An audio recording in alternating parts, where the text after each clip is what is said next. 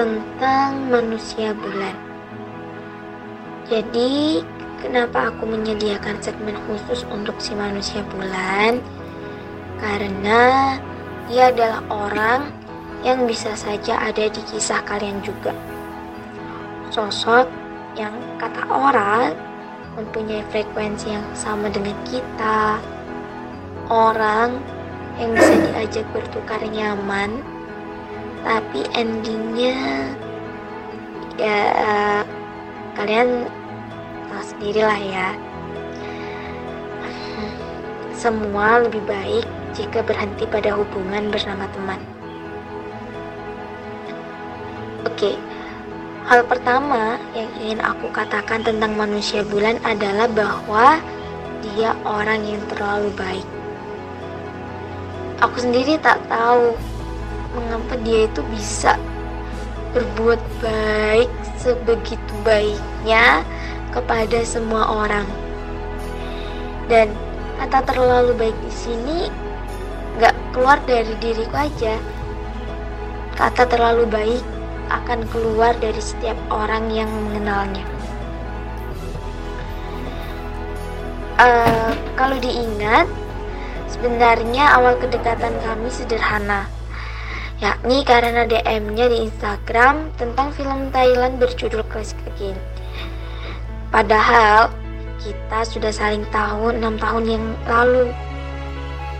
Saat itu aku masih SMP kelas 3 dan cukup sekali sedangkan dia kuliah semester pertama. Manusia bulan adalah manusia yang mudah sekali untuk dicintai dan kamu gak butuh alasan panjang lebar untuk mencintainya. Kenapa bisa seperti itu? Ya, karena dia orang yang begitu baik. Ketika kamu kenal dengan dia dan kalian benar-benar saling kenal, meskipun kalian mempunyai enggak usia yang um, bisa dibilang cukup berjarak dia tetap akan bisa menyeimbangi obrolan kalian dia akan bertanya tentang banyak hal kecil padamu bercerita banyak hal dan menyesuaikan pembicaraanmu di mataku manusia bulan adalah orang yang selalu membawa energi positif. Menanyakan keadaan, mengajak untuk terus berkarya, seorang kakak yang bisa jadi penenang dan pemberi saran, teman di jam-jam insomnia, lelaki pecinta kucing, dan lelaki aneh yang mencampur susu kental manis di atas minyak. Aduh, aneh memang. Masak susu kental manis dijadikan topping di atas mie goreng. Bisa bayangkan kan betapa weirdnya rasanya.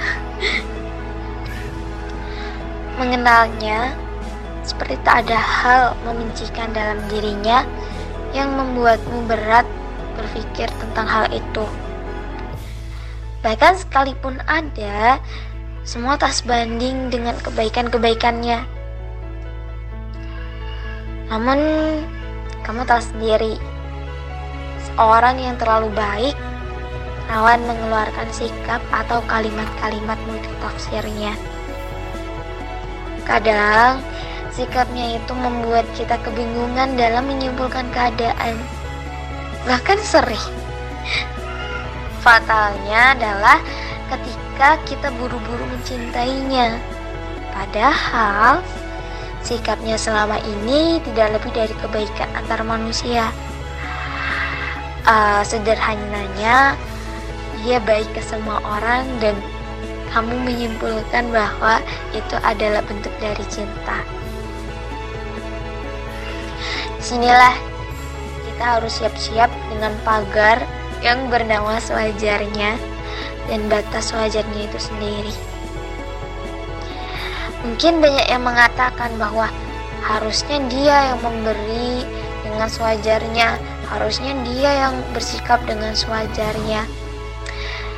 Uh, namun, sini kita juga harus tahu diri bahwa tak hanya menuntut orang lain untuk memberi sewajarnya, namun kita pun juga harus bisa menerima dengan sewajarnya.